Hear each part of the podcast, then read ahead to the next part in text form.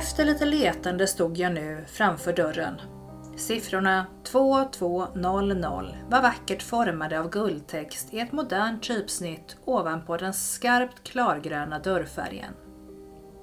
Dörren var stilrent designad likt en spegeldörr och fäste i en rigorös och pampig dörrkarm som vittnade om att det var gediget hantverk i likväl dörren som dess runt omkringliggande hölje. Det välputsade dörrhandtaget var av mässing och hade samma färg som det vackra lejonhuvud som var placerat mitt på dörren med funktion som dörrknackare. Jag kände redan innan jag gick in genom dörren att jag var i en storstad. En brittisk stad. Gissningsvis London. Jag öppnade dörren och klev in.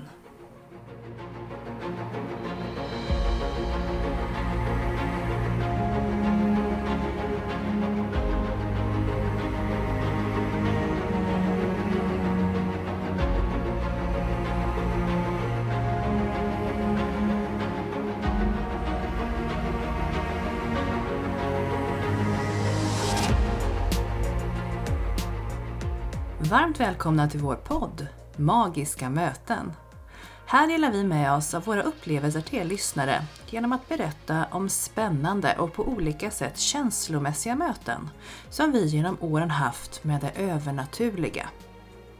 Sedan man var liten har man fått lära sig att sanningen endast kan bevisas genom fysisk existens. Men i den här podden släpper vi logiken och låter känslorna och intuitionen leda oss rätt. Vi heter Caroline och Mikaela och ska ta med er på vår resa in i det okända. Nu börjar Magiska möten.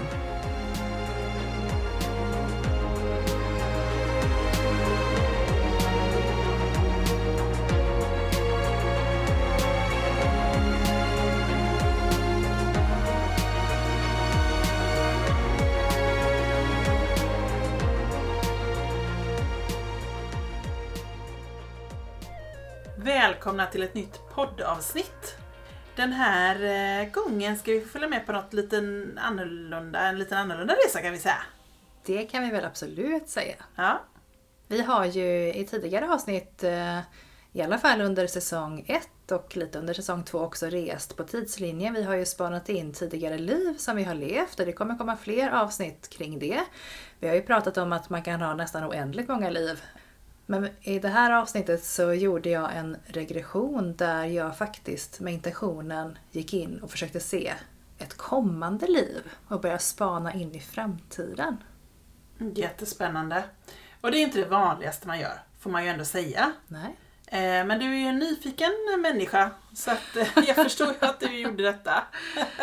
Eller hur? Ehm, och jag kan tycka att det är jättespännande att eh, våra själar eh, spänner över så, så lång tidsrymd. Mm. Det jag är mest nyfiken på egentligen är ju livet mellan liven. Mm. Det tycker jag är otroligt spännande. Och det får vi kanske återkomma till. Det får vi kanske göra. Och det, mm. det som eh, var kanske mest spektakulärt är ju att, att se att det finns saker som är redan nu förutbestämda om var jag är på väg härnäst. Även om inte allt i detalj så är, har jag ändå en livsväg efter det här. Det är inte bara så att jag tror på reinkarnation och att jag kommer återfödas utan återfödelsen är på något sätt redan lite grann förutbestämd. Det mm. kändes häftigt. Spännande! Mm. Och med det sagt så ska ni få lyssna på min historia om livet härnäst.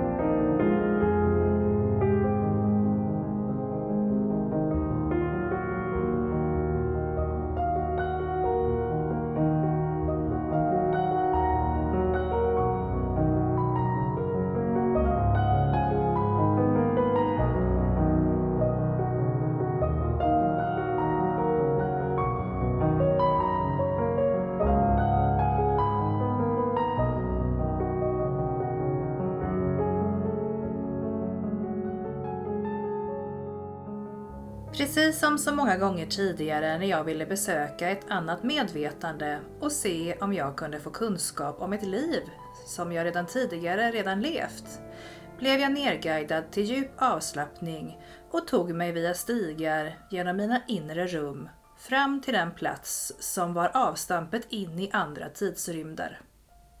Innan vi började hade jag bestämt mig för att jag skulle gå till den dörr som ledde in till ett av mina liv som var speciellt. Nämligen ett som jag inte redan levt. Utan för första gången skulle jag besöka ett liv som låg utstakat för mig i framtiden.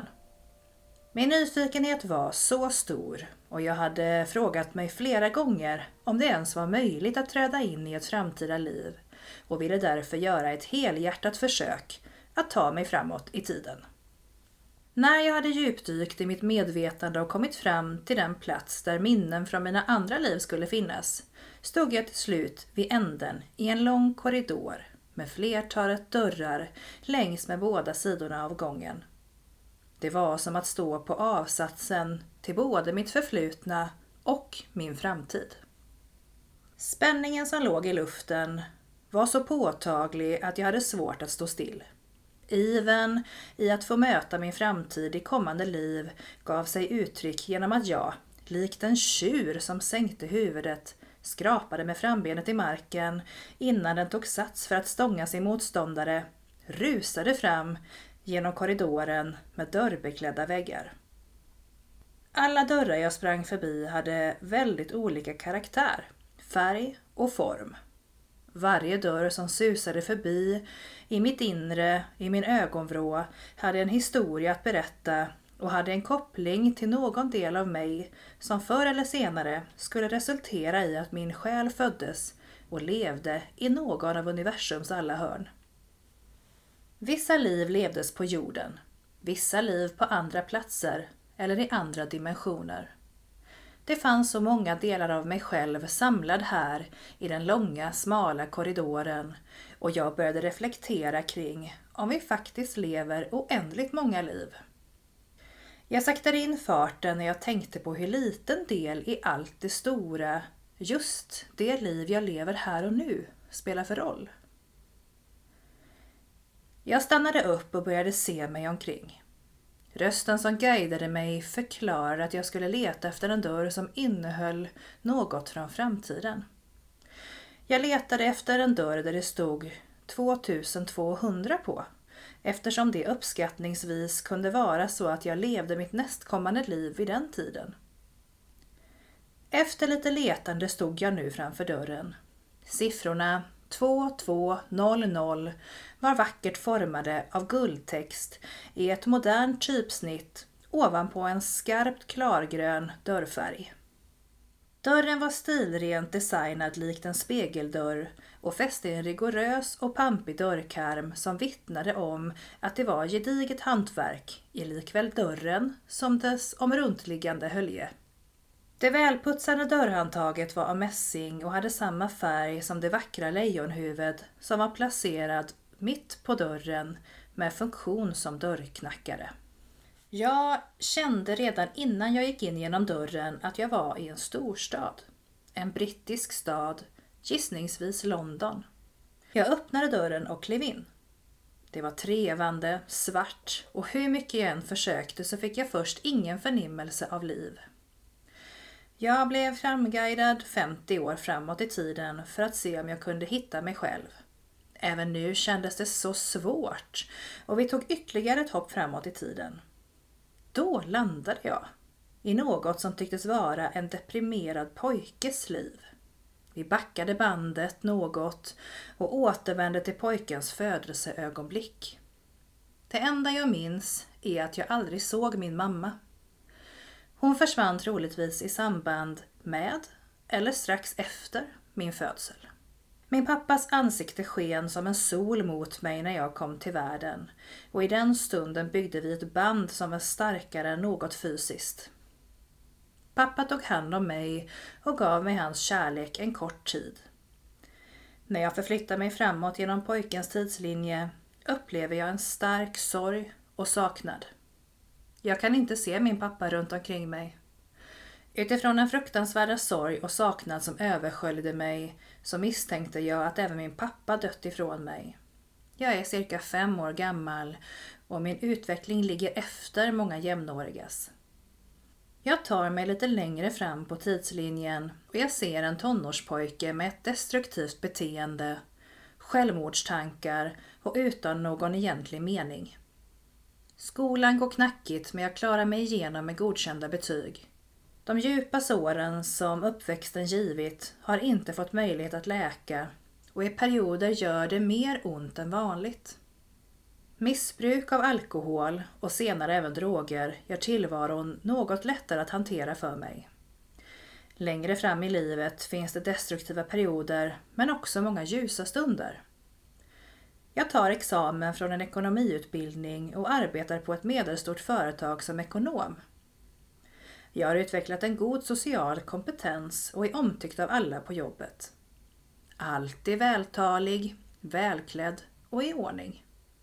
Hemma är jag alltid själv. Ingen kan komma mig nära. Såren blöder och jag har svårt att komma ur missbruken. I perioder känns livet ganska hopplöst. Vi tar ytterligare ett hopp några år längre fram på tidslinjen, in i ungefär 30-årsåldern. Då blir det sådär märkligt, konstigt och mörkt igen. Precis som när jag gick in genom dörren första gången och vi inte landade i något liv, utan antagligen var i en tid där min själ var mellan två olika liv. När jag efter en kort stund insåg vad det betydde så brister jag ut i gråt. Jag förstår att den ledsna pojken som utvecklas till en ung, hjärtekrossad man inte längre lever. Inte ens 30 år fick han bli. Jag får till mig, utan att behöva se några detaljer, att jag valde att ta mitt liv i lägenheten innanför den gröna dörren. Jag lät mig själv befrias från all smärta och psykisk ohälsa i förtid och hängde mig i sovrummet. Berusad för att mildra både ångesten, smärtan och döden. Alla har vi en väg att vandra.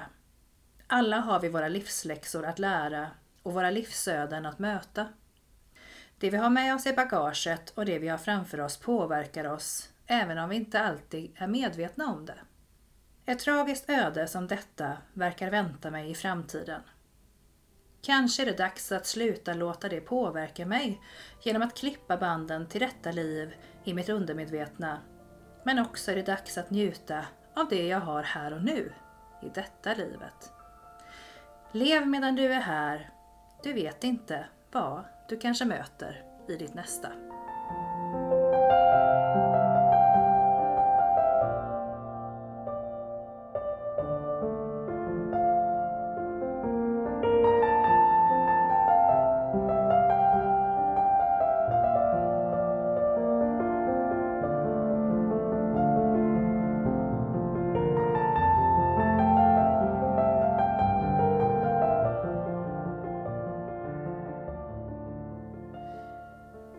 Det här är ju ganska speciellt ändå att man tittar in lite grann i sin framtid och eh, kikar framåt. Jag tycker att en utav sakerna som, eh, som fångar mig mest i den här eh, storyn det är ju när du står i den här korridoren och ser alla dörrarna till massa tidigare liv och till massa kommande liv. Ja. Det är ju väldigt spännande att tänka att där du är här och nu är liksom bara en liten del av resan. Mm. Det är en annorlunda tanke och den tanken har jag kanske inte tänkt så många gånger innan jag bestämde mig för att göra den här resan. Eh, vi satt ju och diskuterade regressioner och tidigare liv och när du kläcker att ja fast man kan ju också resa framåt på tidslinjen och då kände jag ju bara att det måste jag ju prova. Eh, jag kan ju inte ha hört det och inte ha testat. Eh, så att vid flera tillfällen i samband med det här och före den här regressionen som jag gjorde så har jag ju varit i mycket tidigare liv och tittat och gått igenom de här dörrarna och kommit in i världar och känt igen mig själv och verkligen upplevt att jag har levt där och då. Eh, så när jag gick ner och skulle knacka på den här dörren och öppna så var det ju väldigt, väldigt eh, pirrigt måste man ju säga. För att det är en sak att återuppleva saker som redan har hänt. Men en helt annan sak att gå in och börja snegla på saker som förhoppningsvis eller troligtvis kommer att ske sen. Så att känslan i det här var ju eh, med största, största spänning att gå ner tänker jag. Ja, det kan jag verkligen förstå för det är ju spännande oavsett åt vilket håll man rör sig på tidslinjen, tycker jag då. eller så. Mm. Sen måste man också säga att det här med framtiden är ju en, en liten slingrig stig. Mm. För tittar man på framtiden så tänker jag ju att den kan ju alltid förändras.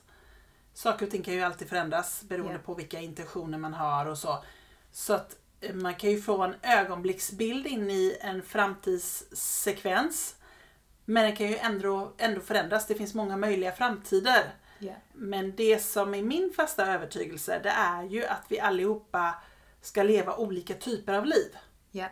Vi ska allihopa vara eh, offer, vi ska allihopa vara mördare, vi ska allihopa eh, vara snälla, goda människor. Vi ska också vara elaka och onda människor någonstans för att kunna förstå helheten så behöver vi vara igenom de olika rollerna kan man säga mm. i de olika liven. Mm. Eh, så man kan ju uppleva att det är väldigt hemskt att man redan nu har vetskap om att man kommer leva ett ganska destruktivt liv eller ett, ett liv som, är, som också går till spillo väldigt tidigt. Yeah. Men eh, ur min synvinkel så är det en del av våra livsläxor eh, som vi behöver ha med oss på vägen. Våra mm. själar behöver få uppleva massa olika saker för att kunna bli kompletta och förstå ja. universum. Precis, och någonstans tänkte jag, alltså jag hade ju ingen aning om vad jag skulle uppleva när jag försökte att gå framåt i tiden och uppleva ett, ett kommande liv. Det här blev ju ett liv som någonstans kändes som att oj, hoppsan, ska jag in i det nästa gång och vad, vad gör det med mig i detta livet? Jag kände ganska tydligt att jag får ju också se till att även om jag tänker att jag kommer återfödas, att använda det här livet och den potentialen jag har här och nu. Att, att leva det här livet fullt ut och inte gå och vänta på nästa liv. Eh, för det är inte säkert att det blir bättre. Det verkar ju som att det kanske till och med blir lite sämre. Min första reaktion var kanske också så här, åh nej, jag vill inte dö för jag vill inte leva det livet för det verkar ju skittufft att ha det framför sig. Det var nog min spontana första känsla. Eh, men nu när jag sitter och reflekterar över det så det är ju inte så att jag känner mig orolig eller rädd för att behöva dö och gå vidare in i det livet. Utan det känns mer så här som du också beskriver att vi har våra vägar att vandra och jag har det framför mig. Men jag har det ju inte bakom mig så jag har det inte med mig ännu. Även om jag har band framåt också så jag känner mig inte orolig inför det. Och det känns ju skönt i alla fall. Mm. Vad tänker du kring det här med parallella världar och att man lever att man kan leva lite på olika, kanske i olika universum eller så. Vad tänker du kring det? För det är ju också en, en tanke som kommer in i det här när man börjar mm. fundera. Mm den tanken kan man ju tänka jättemycket på eller inte alls för att den är väldigt stor och mm. den är svår att greppa tycker jag.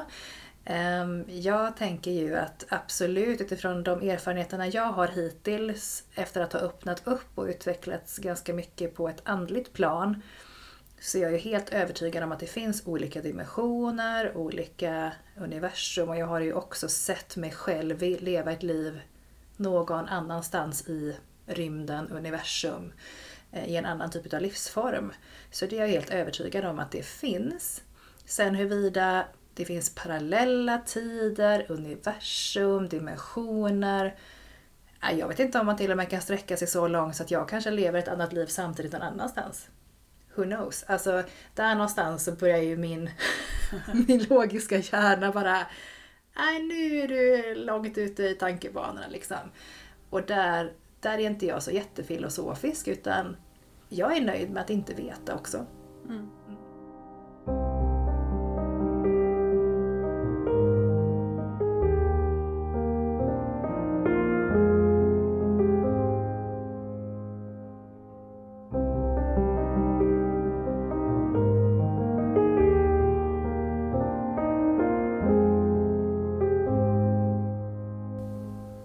Men det är spännande. Vi pratar ju många gånger kring saker och ting och du tror ju kanske inte att jag ska ha fler liv. Jo, fast inte i mänsklig form. Eller hur man ska säga. Jag är helt övertygad om att när du går ifrån det här livet så kommer du att uppgraderas och bli någonting annat. Ja, vad spännande. Mm. Ja, jag får ju komma på besök då så att du får se vad jag har blivit. ja. En sån här barbapappa kanske. en sån här flygande form. ja, ja. Nej, men vi har väl också pratat lite grann i tidigare avsnitt om det här med guider och vad, vad de mm. har för syfte och var de kommer ifrån. Och, och, du upplever att många guider har varit och levt människoliv och mm. sedan på något sätt får en ny roll mm. att spela. Och jag är rätt säker på att det är din nästa roll i mm. ditt nästa liv. Spännande. Mm. Vi, vi får, väl se, se om det blir sant. nu har jag ju detta livet att leva här och nu så ja. länge. Ja. Eh, så får vi se vad som händer sen. Men jag kan känna att det är spännande. Mm. Men jag kan också känna, alltså när man har varit i situationer där man är nära att dö eller alltså man blir väldigt sjuk och så. Att det inte är dags att släppa taget utan jag har haft en väldigt stark känsla av att jag vill leva. Och jag vill leva så länge jag bara kan för att jag har så mycket kvar att uppleva. Eh, det finns så många saker som jag vill göra fortfarande. Jag hoppas att jag ska hinna göra alla de sakerna innan det är min tid att gå in i en annan dimension eller vad det nu blir som du tänker. Ja, som jag eh, tänker och tror. Eh, men, men, tror du med den vetskapen eller att, att jag har sett dig i en annan roll i nästa liv, mm. att du får ännu mer lite stress. Du kanske har levt 2000 liv på jorden men nu helt plötsligt är det kanske ditt sista liv. Upplever du att det stressar dig att få göra alla de sakerna som du faktiskt drömmer om? Nej, egentligen inte. Men jag tycker lite grann att det är lite slöseri att vara här på jorden om man inte nyttjar det till fullo. Ja. Alltså lite så. Mm. Jag vill ju hinna med mycket och jag kan känna att det mer stressar mig än att jag ska gå vidare till någon annan dimension eller att jag ska dö eller typ så. Ja. Jag, jag, känner att det är så mycket mer jag vill uppleva. Mm. Eh, och sen var den stressen eller inre klockan kommer ifrån, det kan jag inte svara på riktigt. Nej. Men jag känner ju ändå att eh, för min del att det är viktigt att eh, göra vissa saker. Eh, jag vill inte känna mig halvfärdig. Jag vill inte känna att Nej, men det där skulle jag ha gjort också, eller det där skulle jag ha gjort eller så. Jag vill känna att jag känner mig färdig. Mm. Och jag upplever att om man pratar med människor som eh, är äldre och kanske ska gå bort och så, att det är väldigt olika i deras upplevelse också. En del känner sig verkligen inte färdiga. De vill verkligen inte eh, lämna. Medan andra säger att Nej, men jag har känt mig färdig ett tag nu. Jag är nöjd. Mm. Jag vill inte mer nu. Det känns helt eh, perfekt liksom. Mm. Och jag har pratat med folk som ändå är i min ålder, snart 50, mm. som också känner sig lite färdiga. Ja. Och den känslan har inte jag alls. Jag känner mig fullständigt ofärdig. Så, att, så att jag hoppas att jag får hänga i ett tag till. Oavsett vad jag ska vidare till sen så vill jag väldigt gärna fortsätta ett tag till. Jag har så mycket kvar känner jag. Mm. Känner jag själv. Mm. Och jag tänker att det är en drivkraft i sig i hela livet att känna det. Att man, man vill mer och vill eh, Eh, leva livet fullt ut. För det är väl ungefär som i det här livet som jag upplevde som mitt framtidsliv. Att där hade jag ju inte den känslan. Utan att jag hade någon framtidsvision eller önskan om att få leva för att det var för trasigt och traumatiskt. Eh, så det orkar jag helt enkelt inte med. Och den känslan kan man ju också kanske förstå i och med att jag upplevt det här livet i en regression att andra också kan ha. För den känslan har jag aldrig haft i det här livet. Men jag fick ju den känslan väldigt tydligt när jag var på besök i framtiden. Eh, och det har nog kanske gjort att jag jag kan inte säga att jag kan förstå en sådan handling fullt ut men man kan ändå liksom tänka att eh, alla har inte den här livsgnistan och förutsättningarna att faktiskt få leva livet och må bra och vilja vara här.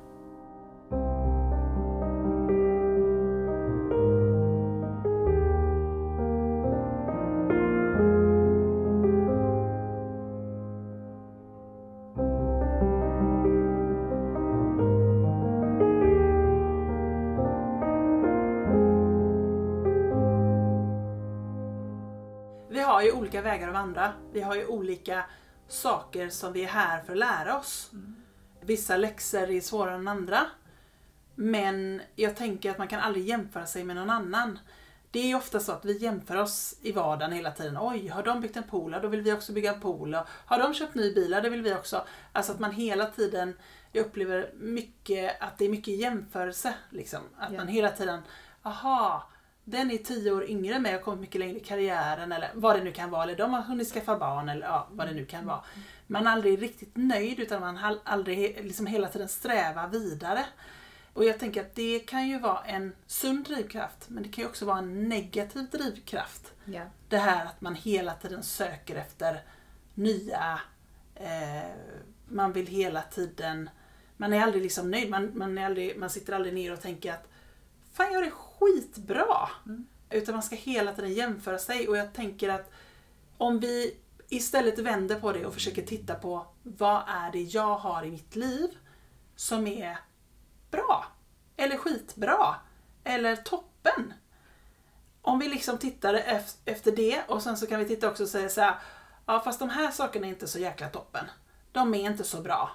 Nej, vad behöver jag göra då? Då behöver jag fundera över om jag ska förändra de sakerna som inte är så himla bra. Mm.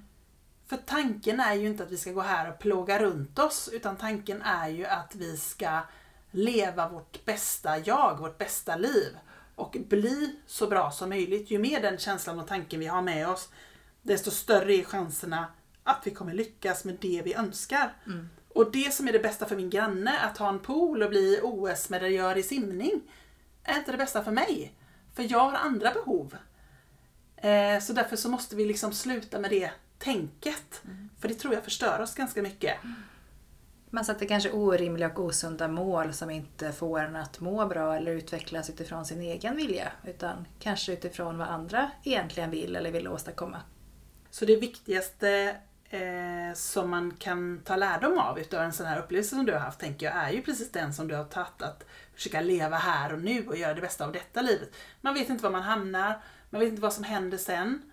Eh, vi kan ha aningar, vi kan ha sett glimtar, vi kan ha haft känslor och, och, och få förnimmelser av saker och ting. Men vi är här och nu. Så här och nu måste bli mycket, mycket viktigare än sen och framåt eller bakåt eller så. En del människor lever ju väldigt mycket i det förflutna, andra vill bara le- leva i framtiden och en del vill bara jämföra sig. Men någonstans att leva i här och nuet, det är sjukt svårt. För vårt samhälle är inte riktigt format så. Men då tänker jag att där behöver ju vi forma samhället så att det blir så. Så att vi inte missar saker. Och det är också lätt att man tänker att ja, men det där gäller ju inte mig för att jag måste ju tjäna pengar för att ha råd att betala hyran och maten och bilen och vad man nu har. Och jag måste natta barnen, jag måste göra det. När ska det bli tid för mig själv? Och då tänker jag så här, om jag bara tänker tillbaka några år i tiden så minns jag ju liksom när man fick två minuter extra på toaletten för man hade småbarn hemma. och de två minuterna blev oerhört vä- värdefulla i att bara sitta och tänka en tanke utan att någon Innan någon drog i dörren och bara mamma, mamma, mamma, mamma. Så någonstans så tänker jag att det gäller ju liksom att hitta tid där man är i livet. Nu i den livssituationen jag är så har jag ganska mycket reflektionstid, Ja. upplever jag. Men jag har också sett till att skaffa mig mycket reflektionstid eftersom jag vet att det är viktigt för mig. Ja. Men andra perioder i livet så har jag haft noll reflektionstid eller noll tid att ens hinna fundera. Jag har lagt huvudet på kudden och sen tycker jag att jag vaknar nästa sekund igen och så är det en ny dag igen. Liksom. Ja.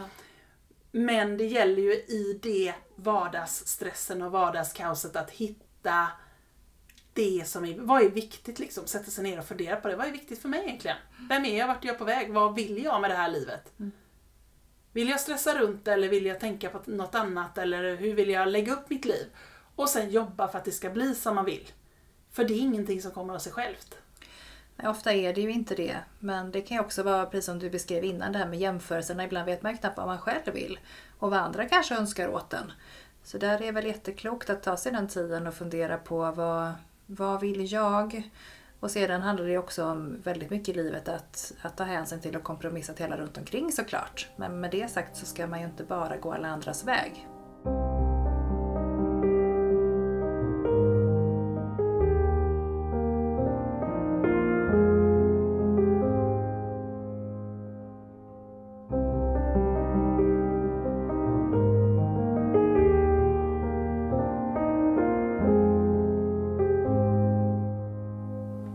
Sin inre egna röst. Den är superviktig. Och det är lätt att vi tappar den när vardagsstressen och det vanliga livet tar över. Eh, Man lär sig kanske inte det heller, i alla fall inte utifrån min egen uppväxt eller skolgång eller i de sammanhangen där man utbildar sig eller lär sig att, att leva och bli en, en vanlig samhällsmedborgare så är inte det fokus liksom. Att hitta sin inre röst eller det är mer att prestera eller man ska vara duktig och man ska se till att man skaffar sig hus och hem och jobb och utbildning och hela den biten. Det är det som prioriteras och hela tiden jobbas mot. Andra saker som hälsa och välmående, det kommer lite i andra hand. Och vi ser ju också att ohälsan bland unga ökar för varje dag mm. i, i vårt land. Så att det, det gäller väl att titta på det, inte bara utifrån sig själv utan som ett nästan folkhälsoproblem. Att vi behöver bli lite mer noga med att titta på hur vi själva mår och hjälpa varandra att kunna hantera det. Mm. För att det, det är inte så enkelt att bara ta lite egen tid och helt plötsligt börja fundera på vad jag mår bra av att göra det. Kräver ibland mer än så och ibland också stöttning och strategier för att ta sig dit. Mm. Det finns en, ehm, ett socialt experiment som eh, man kan, man kan kolla på det på Youtube. Som handlar om en, eh, en kvinna som kommer till en eh, liksom, mottagning, jag vet inte om det är en synmottagning eller som läkarmottagning av något slag. Någonting i alla fall ska de göra det där. Och hon sitter i ett väntrum. Och helt plötsligt i väntrummet så hörs det en sån här ton, en signal så här, "Eh", Och alla reser sig upp. Och hon sitter där och hon bara tittar och bara tänker, vad är det här för galningar? Varför ställer de sig upp? Varför kommer en ton? Det tar tre gånger med de här tonerna som kommer med jämna mellanrum innan hon själv gör exakt likadant. Och sen lämnar alla, för alla går in till den här ögonläkaren. Så hon blir själv i väntrummet. Och eh, då kommer det in massa nya som inte Alltså ingen är ju med i det här experiment- experimentet. De första är ju skådespelare som sitter där men det är ju ingen av de andra som kommer in. Och hon står helt ensam i väntrummet först och så reser sig upp när tonen kommer och sen kommer det nya och sen börjar de också resa sig upp för att hon, hon sätter standarden. Vi pratar ju ofta om att det är svårt att ändra vanor. Att det är svårt att skapa liksom eh, nya saker. Men den, det lilla sociala experimentet visar att det går oerhört fort att sätta en ny vana om man bara vill. Och det starkaste som vi har runt omkring oss, det är gruppens drivkraft. Så ju fler vi är som vågar prata om att sätta nya vanor eller alltså istället för att prata om vad, vad för tv-program man såg i helgen så kan man prata om att förra veckan var jag faktiskt, eh, satte jag en ny vana, fem minuter för mig själv i meditation eller gjorde andningsövningar eller ja, men jag går på gymmet en gång i veckan eller vad man nu kan, alltså så. För att stötta varandra i den processen. För ju mer man hör sina kollegor prata om det, desto mer eh, liksom villig blir man ju själv att försöka hitta de vanorna. Desto mer jämför man sig och ändrar sig så att man får en swimmingpool. Man, ja, nej, men man formas efter gruppen. Ja, är Vi är ju varelser som är födda för att följa en grupp. Mm. För gjorde vi inte det så blev vi liksom utkastade ur, ur grottan. Var vi inte med då fick vi inte mat, vi fick inte eld eller någonting. Så, så för oss har det ju, våran hjärna är ju gjord som att det är farligt för oss att gå emot gruppen. Därför så behöver vi ju gemensamt hjälpas åt som en grupp. Istället för att tänka att ensam är stark och jag ska klara det själv så behöver vi stötta varandra. Och jag tror att sådana här olika communities som finns liksom kan vara oerhört positiva. Kan också vara destruktiva beroende på. Men eh, ju mer som vi försöker sprida det, att stötta varandra i olika situationer, desto bättre tror jag att det kommer bli. Ja, för jag tänker att alla har väl upplevt grupptryck och det är ju i negativ bemärkelse ofta man använder det begreppet. Att ja, men alla andra gjorde eller alla andra får, om man har också tonårsbarn, tänker jag. Alla andra har ju en mobiltelefon, alla andra får vara ute sent på kvällen. Eller, eh, och då har man också det som argument att man själv ska få gå lite utanför ramarna. Så att det är ju Absolut. ett jättestarkt medel att eh, få sin vilja igenom också i argumentation men också alla andra sitter och dricker kaffe i soffan, då gör jag också det. Även Ja. om jag inte vill ha kaffe. Men jag sätter mig med min kaffekopp. Nej, och så och- var det sjunde kaffekoppen på dagen fast jag egentligen inte behöver det alls. Men det handlar ju om att vår hjärna är förprogrammerad till att passa in i gruppen för gör vi inte det så blir vi utstötta och får ingenting. Mm. Och överlever inte. För det, handlar, det är en överlevnadsinstinkt att anpassa sig efter gruppen. Mm. Det är oerhört få människor som kan vara föregångare och gå mot en grupp. Det finns, men inte jättemånga. Nej, jag tänker det här med grupper också. Det handlar ju om att vi är sociala varelser. Vi Mm. klarar oss inte utan social stimuli och vara i en kontext där vi mår bra. Och utan interaktion så är vi inte det. Och det är Nej. klart att ska man hela tiden gå ifrån gruppen och göra tvärt emot så, så är man ju inte delaktig. Så det handlar ju om det också, det sociala samspelet. Att, ehm, utan det så Absolut. mår inte heller själen bra. Nej, så är det ju. Absolut.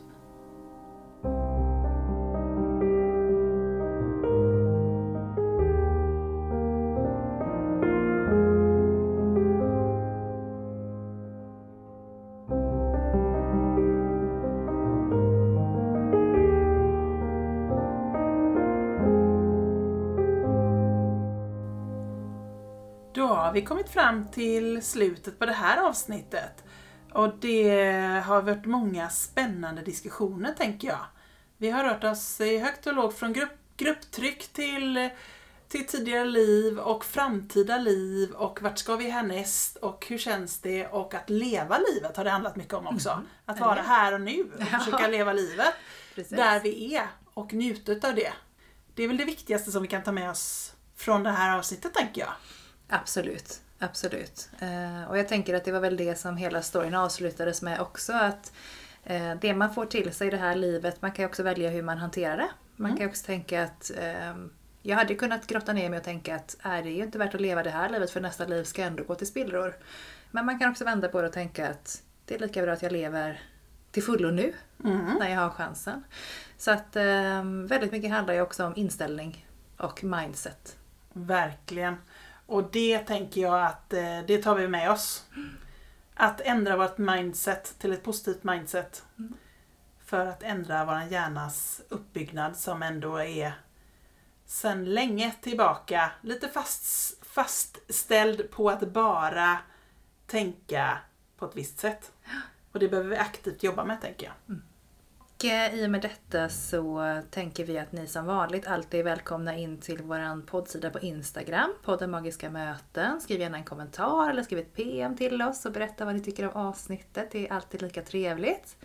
Vill man veta mer om dina tjänster Mikaela så kan man också besöka magiskamoten.com, hemsidan.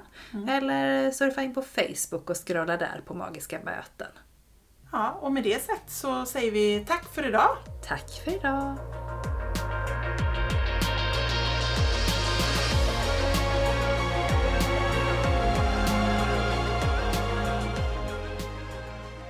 Sedan man var liten har man fått lära sig att sanningen endast kan bevisas genom fysisk existens. Men i den här podden släpper vi logiken och låter känslorna och intuitionen leda oss rätt. Tack för att ni har lyssnat på Magiska möten.